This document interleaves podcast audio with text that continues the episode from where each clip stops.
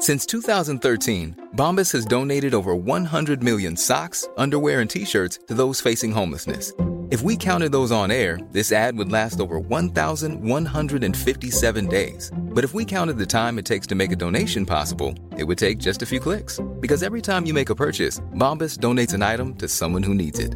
Go to bombas.com slash ACAST and use code ACAST for 20% off your first purchase. That's bombas.com slash ACAST, code ACAST. Hey, it's Ryan Reynolds, and I'm here with Keith, co star of my upcoming film, If, only in theaters, May 17th. Do you want to tell people the big news?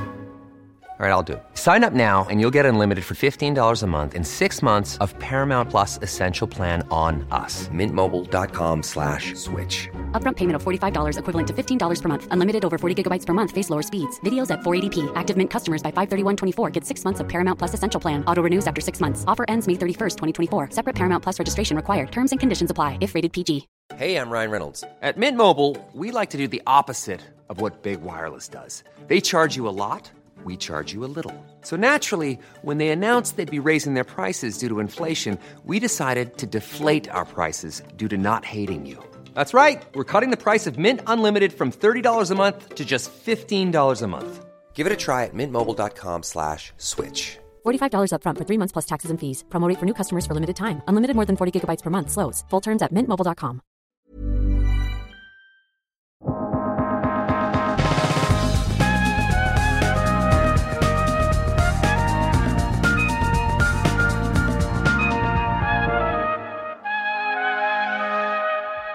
Hej och välkomna till podden Allt du behöver veta om ny teknik. Jag heter Per Danielsson. Innovationer löser problem och för att lösa de här problemen krävs ofta skickliga ingenjörer. Men hur står det egentligen till med den svenska ingenjörskåren? Håller den tillräckligt hög internationell klass? Eller är vi på väg att tappa mark och vad innebär det i sådant fall för Sverige som tekniknation? Ja, det här och mycket mera ska vi diskutera med Ulrika Lindstrand som är förbundsordförande för Sveriges Ingenjörer. Hej Ulrika och välkommen till podden Allt du behöver veta om ny teknik. Tack, jätteroligt att vara här. Hur mår du? Jag mår jättebra, eh, gör jag. Eh, det är väl en av de eh, få tillfällena när man faktiskt vaknar på morgonen under det här året och inser att jag mår bra. Vilken otrolig glädje och gåva det är jämfört med hur tufft många andra har det just nu. Så då får man vara tacksam för det. I det här samtalet ska vi blicka framåt mm. lite grann kring ingenjörsmarknaden och ingenjörer. Men vad är egentligen en ingenjör enligt dig? Det är en jättebra fråga. Eh, jag är själv civilingenjör i kemiteknik och jag tycker att eh, ur min egen privata synvinkel så tycker jag att ingenjörer är i grund och botten problemlösare. Vi blir utbildade till att lösa problem. Eh, sen så tycker jag att vi är oftast väldigt öppna och nyfikna för att ta till oss nya saker. Men jag tror att generellt så blir man nog ingenjör för att man är nyfiken och för att man vill lösa problem. Historikern Gunnar Wetterberg sa i den här podden att naturvetare analyserar hurdan världen är ett slags know why medan ingenjörer fokuserar på know how, ja. det vill säga att få saker gjorda. Ja. Håller du med om det? Ja, men jag tycker att det är rätt träffande. Eh, det är kanske inte alltid vi är sådär eh, superanalyserande i förväg och funderar på hur naturlagarna fungerar utan vi provar oss fram tills vi hittar något som funkar och sen försöker man hitta en förklaringsmodell till varför det funkade. Lite mer jobba baklänges tror jag är ganska kännetecknande för mm. oss. Gunnar sa också att eh, kemisterna är den yrkesgruppen under 2020-talet som kommer liksom vara de som är viktigast nästan och de kommer svara för många lösningar på dagens problem och utmaningar. Håller du med om den här spaningen?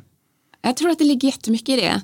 Eh, för att vi pratar väldigt mycket om, om, eh, om eh, till exempel batteriteknologi just nu.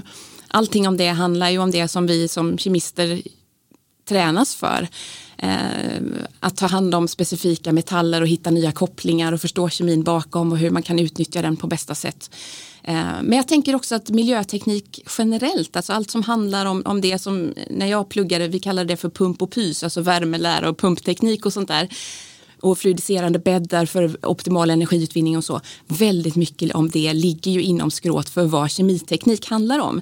Sen bryggar det ju över mycket i teknisk fysik och i eh, ren mekanik och i eh, det som är kopplat till, till el och så vidare. Men kemin är ändå navet så att jag, jag kanske är lite partisk då som civilingenjör i kemiteknik själv men jag tycker att han, eh, han har en god poäng i det där. Ja, Om vi tittar bara på ingenjörsåret 2020, hur skulle du sammanfatta det? Men det har ju varit ett otroligt udda år eh, för oss som så många andra. Eh, och det är klart att det har varit ett jättetufft år för många branscher. Eh, första som råkade illa ut var ju tjänstesektorn och framförallt den tjänstesektor som jobbar med konsulter mot fordonsindustrin. Sen kom fordonsindustrin och sen var det ju olika branscher som följde efter där. Så de har ju haft det otroligt tufft och väldigt många permitterade. Eh, när vi gjorde en medlemsmätning i juni så var var fjärde ingenjör permitterad och det är rätt mycket. Eftersom vi är vana vid att och, och liksom alltid vara fullbelagda och ha fullt upp mer eller mindre. Eh, så det är klart att det har varit otroligt tufft. Men samtidigt så tycker jag att det har varit ett spännande år på det sättet att vi har sett nya teknikskiften som har skyndats på. Ehm, man har hittat eh, sätt att ställa om. Många företag har hjälpt vården på olika sätt genom att tillverka skyddsmaterial och annat. Företag har varit innovativa och lånat ut sin personal till andra företag som har behövt det. Ehm, så det visar ju också vilken fantastisk styrka vi har i Sverige som ju ändå är ett väldigt litet land i det att vi kan samlas vid sådana här svåra händelser och hjälpa varandra och det tycker jag har varit väldigt inspirerande och roligt att se mitt i allt det här eländet. Ser du några andra liksom tydliga tekniktrender bland, eh, som har skett under, i det här, under det här året? Man kan väl säga att de skiften som har varit på gång innan har ju skyndats på av det här. När, när eh, orderböckerna inte var fulla längre så är det många företag som har till, tagit tillfället i akt att dels kanske digitalisera mera. Eh, många har gått in och, och, robotiserat mera har vi också sett. Eh, att man tittar mer på den ergonomiska aspekten. Eh, tagit till sig andra nya teknologier som man kanske inte upplever att man har hunnit innan för det har varit fullt i produktionen och då har man inte heller kunnat göra stopp. Men jag tror att den största trenden som vi ser överallt nu det är att många företag börjar ställa om sin produktion mot att gå mot mer hållbarhet. Och det kan vara i många olika aspekter. Men framförallt kanske då det som vi brukar kalla för grön omställning. Att man ser om sitt hus för att göra så lite miljöpåverkan som möjligt. Och det kan röra allt från transporter till faktiska utsläpp som man har i sin egen fabrik. Men har det påskyndats på grund av pandemin tror du? Jag upplever det så när jag tittar på de rapporteringar vi får Eh, och man kan också i viss mån se det faktiskt på de varsel som har kommit. De har inte alltid varit relaterade till att coronapandemin har gjort det svårt att få eh, hålla igång sin produktion utan man passar på att göra kompetensskiften för att kunna ställa om. Eh, så, att, eh, så att jag tycker att jag ser en, en viss trend på att pandemin har liksom skyndat på sånt som man kanske ändå hade lagt i pipelinen men att det nu har skett tidigare. Vi ska gå vidare, men innan det så tänkte vi att, uh, ha lite personliga frågor med dig. Mm. Uh, här har jag då tio snabbfrågor som du kan kommentera. Uh. Och den första då, fest och fyrverkerier eller mysig hemmakväll? Ja, men jag är ju utbildad pyrotekniker, jag måste ju säga fyrverkerier och har vi inte haft nog med myskvällar under det här året, mer eller mindre påtvingat. Kärnkraft, ja eller nej? Absolut ja. Varför då? Eh, därför att vi är inte rust, våra elsystem just nu är inte rustade för att ha många små energikällor. Så för att skapa den stora balansen i systemet behöver vi kärnkraften. Vi måste ha den på plats tills vi kommer så långt att vi faktiskt har ett energisystem som kan hantera de här stora effektskiftena. Plastskatt, ja eller nej? Nej. Varför inte? Nej, alltså jag tycker att det förenklar problemet. Det går att göra plast på miljövänligt sätt med miljövänliga råvaror. Det finns plaster som eh, håller otroligt länge som är fantastiska att ha i våra utrustningar och i prylarna vi har i köket och det här som hamnar i naturen inte den sortens plaster så jag tycker att det är för lätt att dra allting över en kam här. Eh, jag tror det finns andra sätt att motivera personer till att, att vara mera effektiva och resurssnåla och framförallt hur man hanterar sitt skräp. Men, men det här är, det är rätt intressant för vi hade Sigbritt, Karlsson då, som är mm. rektor på KTH här i podden för några veckor sedan och hon är ju av samma åsikt som du. Mm. Kraftfullt nej mot plast, plastskatt. Mm.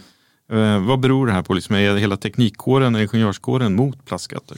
Nej, men jag tror att man förenklar saker och ting. Jag tycker att vi såg den debatten när man började prata om, om förbränningsmotorer, att det var ett himla väsen kring att man skulle helt plötsligt förbränna eller förbjuda förbränningsmotorer. Då är man helt fel på det.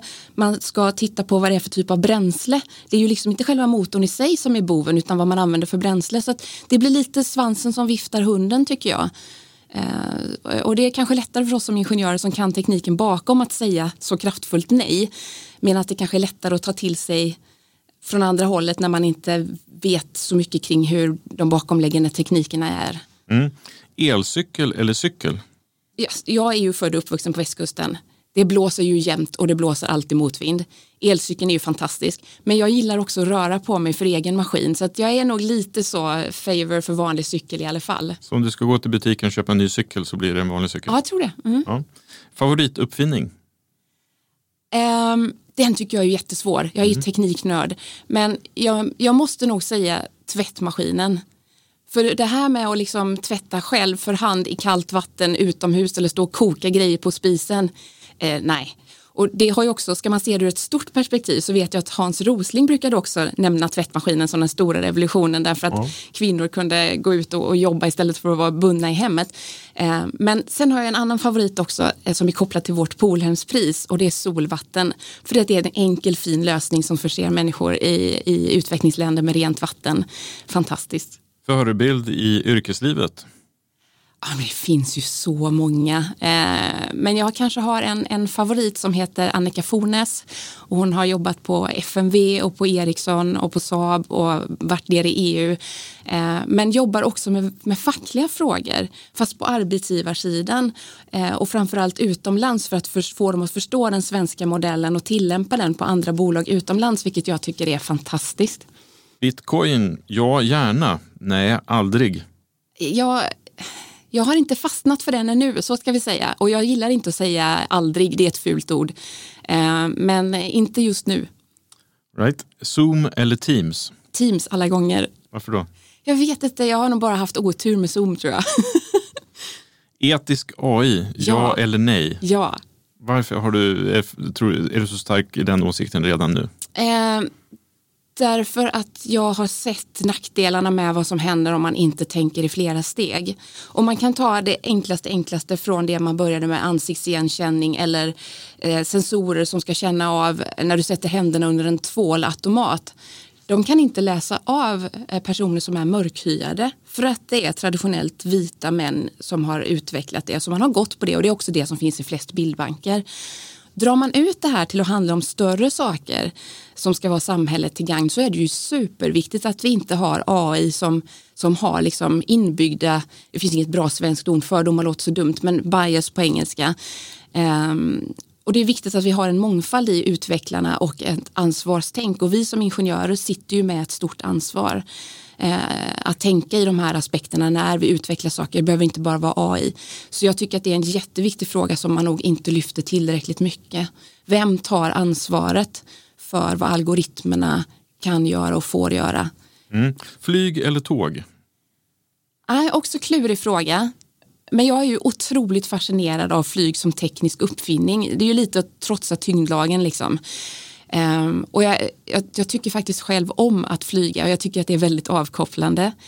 Um, jag tycker att flyget har inneburit att vi har kunnat krympa världen, kunnat se nya ställen, träffa nya människor och få nya intryck och få förståelse för andra kulturer. Uh, så av den anledningen skulle jag vilja säga flyg. Um, och sen tänker jag lite sådär att om ingen flyger så kommer vi aldrig få tryck i att få förnyelsebara energikällor till flyget. Någon måste göra det också. Även om man inte får flyga så mycket nu så väljer jag nog ändå flyget. Ja, vad, kommer du flyga när du får flyga igen då? Uh, ja, men jag, har ju, jag har ju en sån dröm om att få åka till Australien eh, och se nyårsförverkeriet på Sydney Harbour Bridge. Det är en sån här, som pyrotekniker är det liksom det största man kan vara med om. Okej, okay, så årsskiftet 2021-2022, då är du där? ja, vi får se. It's that time of the year. Your vacation is coming up. You can already hear the beach waves, feel the warm breeze, relax and think about work. You really, really want it all to work out while you're away. Monday.com gives you and the team that peace of mind. When all work is on one platform and everyone's in sync, things just flow wherever you are. Tap the banner to go to Monday.com. Jewelry isn't a gift you give just once. It's a way to remind your loved one of a beautiful moment every time they see it. Blue Nile can help you find the gift that says how you feel and says it beautifully with expert guidance and a wide assortment of jewelry of the highest quality at the best price. Go to BlueNile.com and experience the convenience of shopping Blue Nile, the original online jeweler since 1999. That's BlueNile.com to find the perfect jewelry gift for any occasion. BlueNile.com. Many of us have those stubborn pounds that seem impossible to lose, no matter how good we eat or how hard we work out. My solution is PlushCare.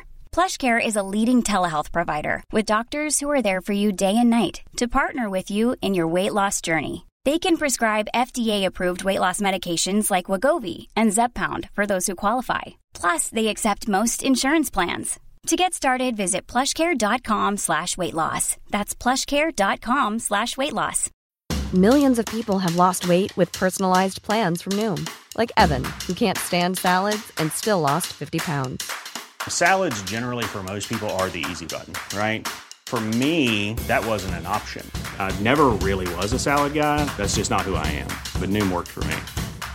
Get your personalized plan today at Noom.com. Real Noom user compensated to provide their story. In four weeks, the typical Noom user can expect to lose one to two pounds per week. Individual results may vary.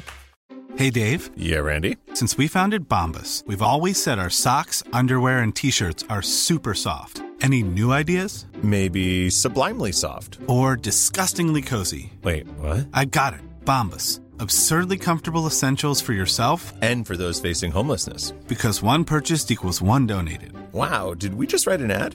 Yes. Bombas. Big comfort for everyone. Go to bombas.com slash ACAST and use code ACAST for 20% off your first purchase.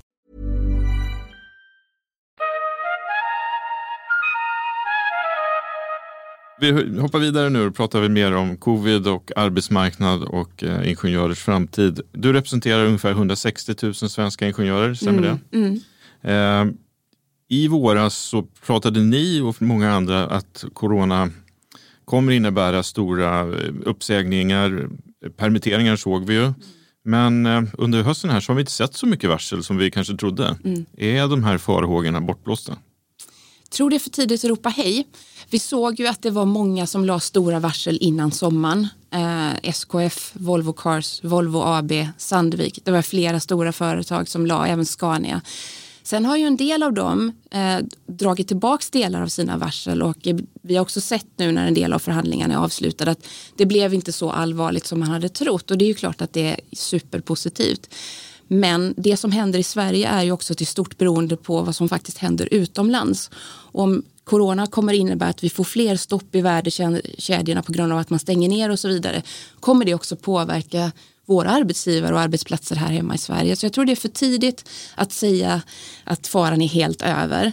Och jag vet att väldigt många är beroende av permitteringsmöjligheten eh, och att många företag uppskattar att den numera är förlängd en bit in i nästa år. Tror du att det räcker den förlängningen?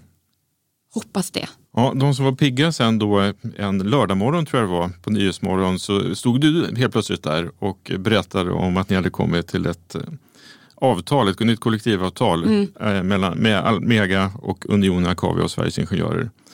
Hur var det, det här? Varför, varför var det så viktigt att presentera det här avtalet just nu? Nej, men det var ju jätteviktigt för oss att, att få det land. Därför att inom industrin så sätter vi ju det här berömda märket, alltså normeringen för vad svenskt samhälle ska, egentligen ska klara av i löneökningar. Och det var ju så otroligt många andra branscher som låg och väntade på oss för att i sin tur kunna börja förhandla. Eh, och det är klart att i alla, de allra flesta fall så rapporteras ju bara om siffran men det är ju så mycket annat vi gör som det aldrig rapporteras om som handlar om allmänna anställningsvillkor.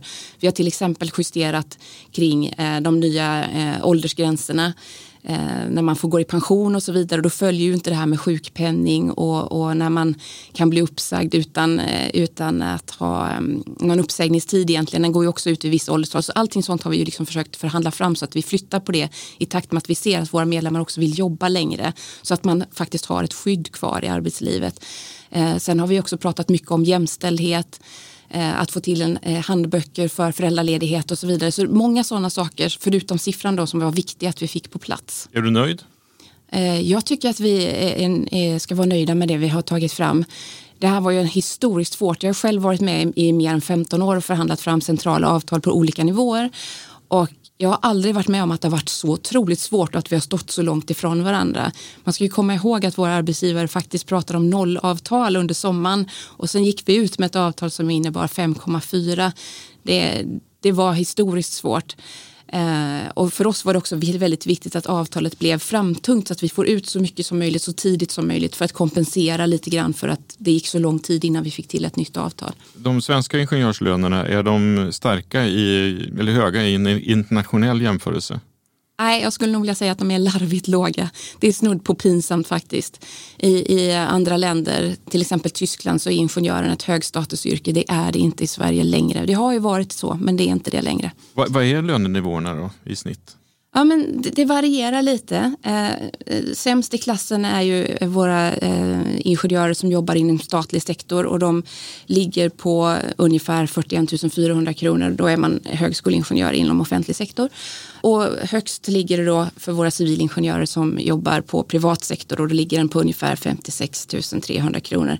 Eh, men man ska också komma ihåg att det här är medellön. Det är inte den vanligaste lönen. Jag skulle vilja säga att en civilingenjör har vanligaste lönen där ligger någonstans mellan 44 och 47. Och den är löjligt låg. Vad, vad tycker du att den borde vara?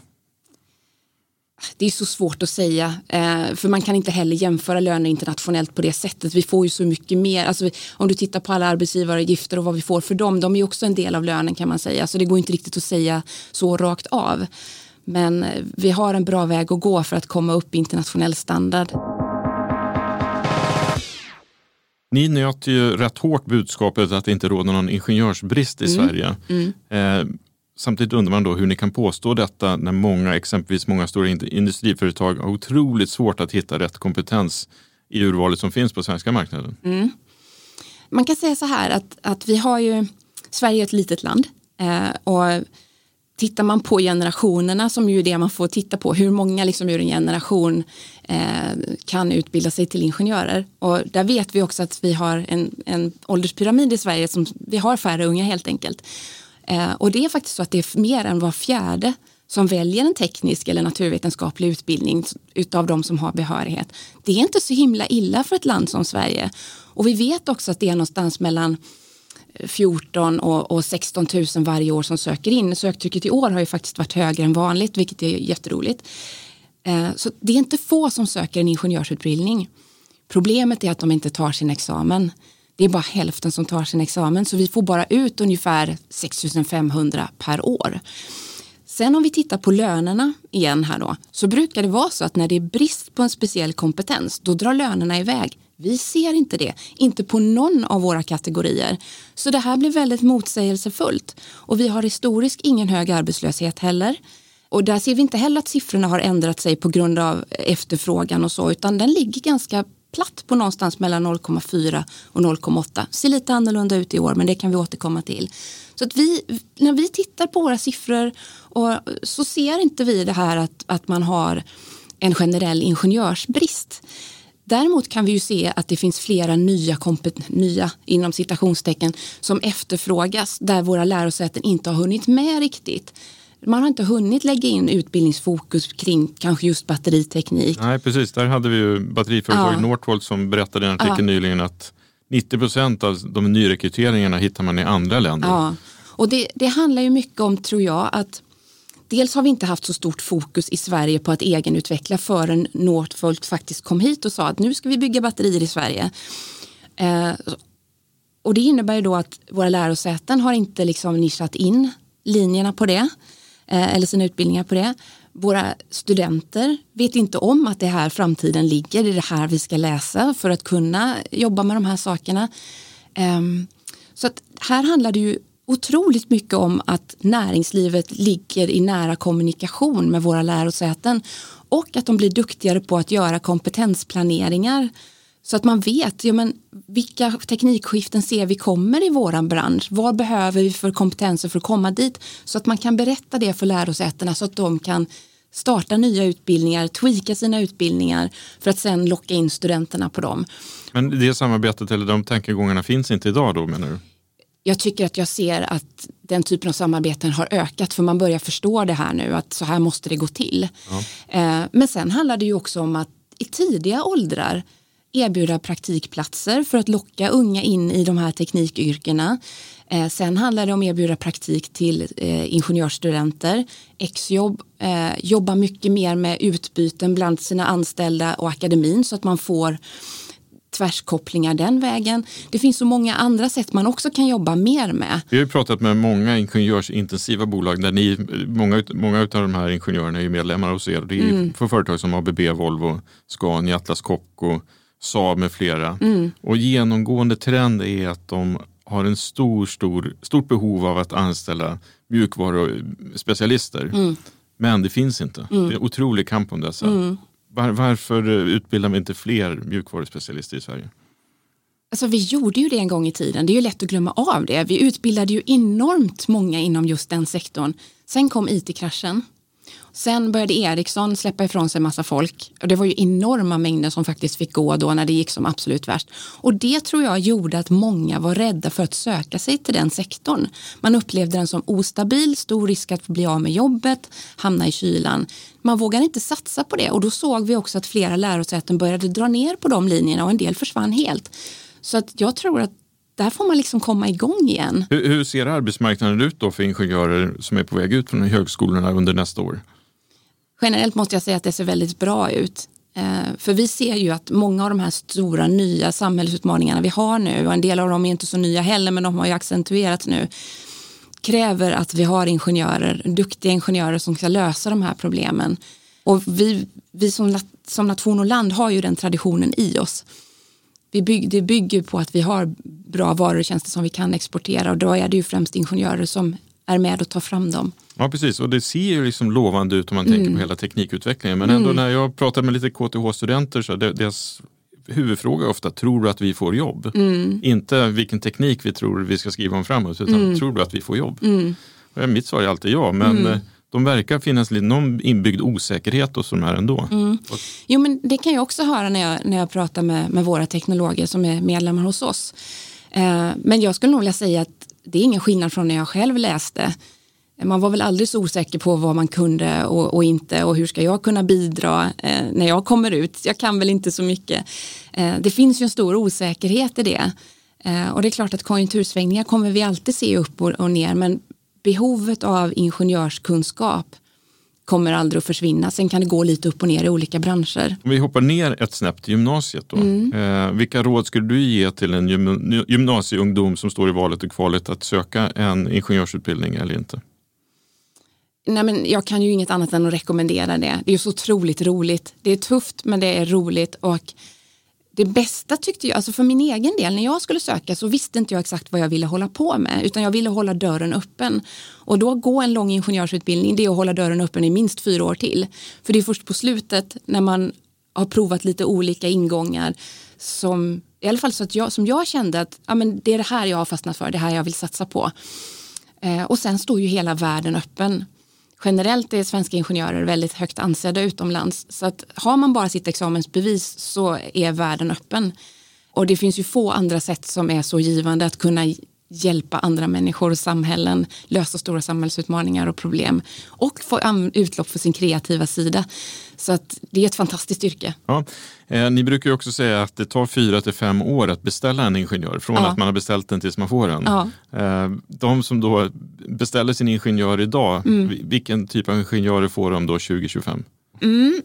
När vi frågar arbetsgivare kring vad de ser att de nya ingenjörerna behöver kunna så säger de alltid rör ingenting, plocka inte bort någonting ur basen för den behöver de ha. Det måste fortfarande vara liksom tungt matte, kemi, biologi, fysik, de inriktningarna som har de bitarna. det måste fort, grundbasen måste vara samma. Där vill vi inte plocka bort någonting. Eh, men De vill gärna att man eh, utbildar sig inom ledarskap, eh, gruppdynamik, språk, viktigt Eh, eftersom vi jobbar mer globalt nu. Det är lite mer fokus på de här kanske mjuka kunskaperna, samarbete och som jag sa innan gruppdynamik, att man också har en förståelse eh, för det. Att man inte bara kan förstå andras discipliner som du ska samarbeta med som inte är ingenjörer utan också att du kan förklara vad du själv håller på med på ett sätt som inte är för ingenjörsmässigt så att andra kan ta till sig det. För det behövs i de här komplexa utmaningarna när vi ska jobba många olika discipliner ihop. Det var någon som sa att det skulle inte skada för ingenjörer, eller det, det, de ingenjörer som även slänger in eh, några kurser i psykologi, mm. de kommer ha en bra, eh, bra mm. framtid framför sig. Mm, jag tror det ligger mycket i det, just det här med gruppdynamik eftersom vi ofta jobbar i team den här vanföreställningen om att ingenjörer sitter i en källare och räknar för sig själv på kammaren, liksom, den stämmer ju verkligen inte. Vi jobbar ju i team eh, för att lösa stora problem eh, och då är ju de här lite mjukare bitarna jätteviktiga.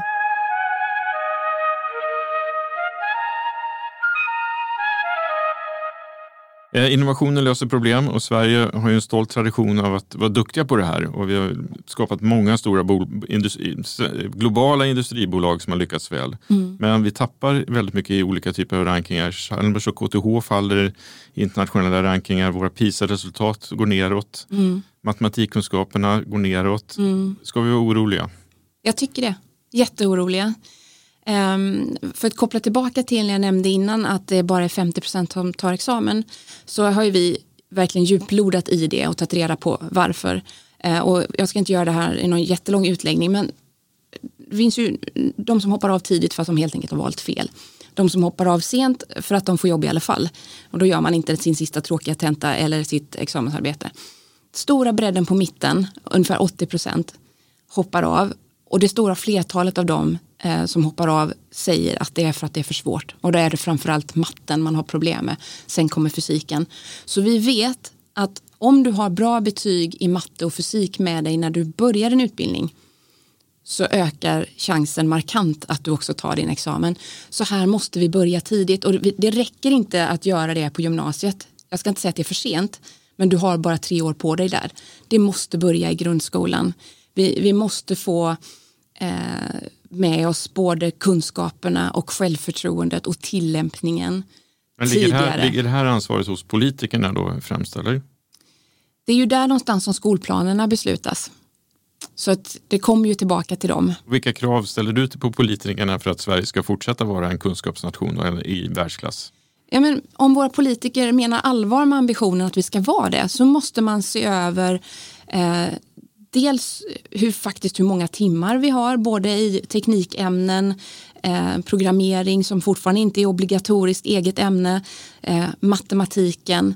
Vi måste ge lärarna förutsättningar och det kan vara allt ifrån att ha tillgång till speciallärare till rimliga storlekar på klasser till att man har tillräckligt med, med, verktyg som man behöver. Våra lärare måste få också eh, uppgraderat sin utbildning med nya pedagogiska verktyg Ehm, och påbyggnad kring de här ämnena så att de kan stå trygga och säkra i detta. Många är fantastiska men vi vet också att många upplever att de inte heller har fått kompetensutveckling inom de här områdena. Och sen till syvende och sist så tror jag att vi måste våga se eleverna det här med att alla ska inkluderas har ju blivit en exkludering. Så själva ambitionen var ju god en gång i tiden men det har ju gjort att de som har det tufft får inte tillräckligt med hjälp och de som är duktiga får inte tillräckligt med utmaning. Jag tror att vi måste börja våga att på något sätt nivellera utbildningen i de här ämnena. Eh, åtminstone om vi vill fortsätta hålla ambitionen att vi ska vara världsledande. Tror du att vi kommer lyckas med det här? Jag hoppas det.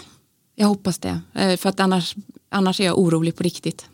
Mm. Stort tack Ulrika att du kom till podden. Tack själv, jättekul.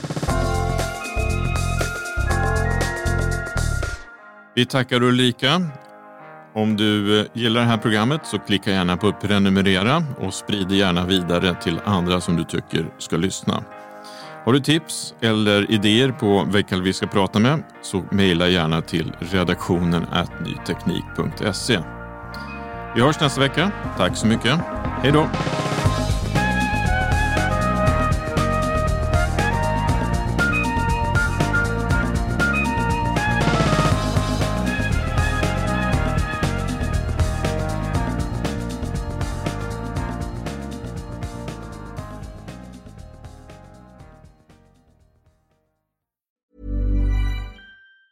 Planning for your next trip? Elevate your travel style with Quince. Quince has all the jet setting essentials you'll want for your next getaway, like European linen, premium luggage options, buttery soft Italian leather bags, and so much more. And it's all priced at 50 to 80% less than similar brands. Plus, Quince only works with factories that use safe and ethical manufacturing practices. Pack your bags with high-quality essentials you'll be wearing for vacations to come with Quince. Go to quince.com slash trip for free shipping and 365-day returns. Hi, I'm Daniel, founder of Pretty Litter. Did you know cats tend to hide symptoms of sickness and pain? I learned this the hard way after losing my cat, Gingy. So I created Pretty Litter, a health monitoring litter that helps detect early signs of illness by changing colors, saving you money and potentially your cat's life. Pretty Litter is veterinarian developed, and it's the easiest way to keep tabs on your fur baby's health right at home. Go to prettylitter.com and use code ACAST for 20% off your first order and a free cat toy. Terms and conditions apply. See site for details.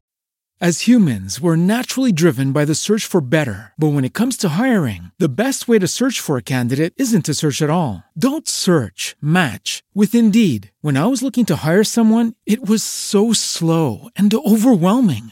I wish I had used Indeed. If you need to hire, you need Indeed. Indeed is your matching and hiring platform with over 350 million global monthly visitors, according to Indeed data, and a matching engine that helps you find quality candidates fast. Ditch the busy work. Use Indeed for scheduling, screening, and messaging so you can connect with candidates faster. And Indeed doesn't just help you hire faster. 93% of employers agree Indeed delivers the highest quality matches compared to other job sites, according to a recent Indeed survey. And listeners of this show will get a $75 sponsored job credit to get your jobs more visibility at Indeed.com slash podcast. That's Indeed.com slash podcast. Terms and conditions apply.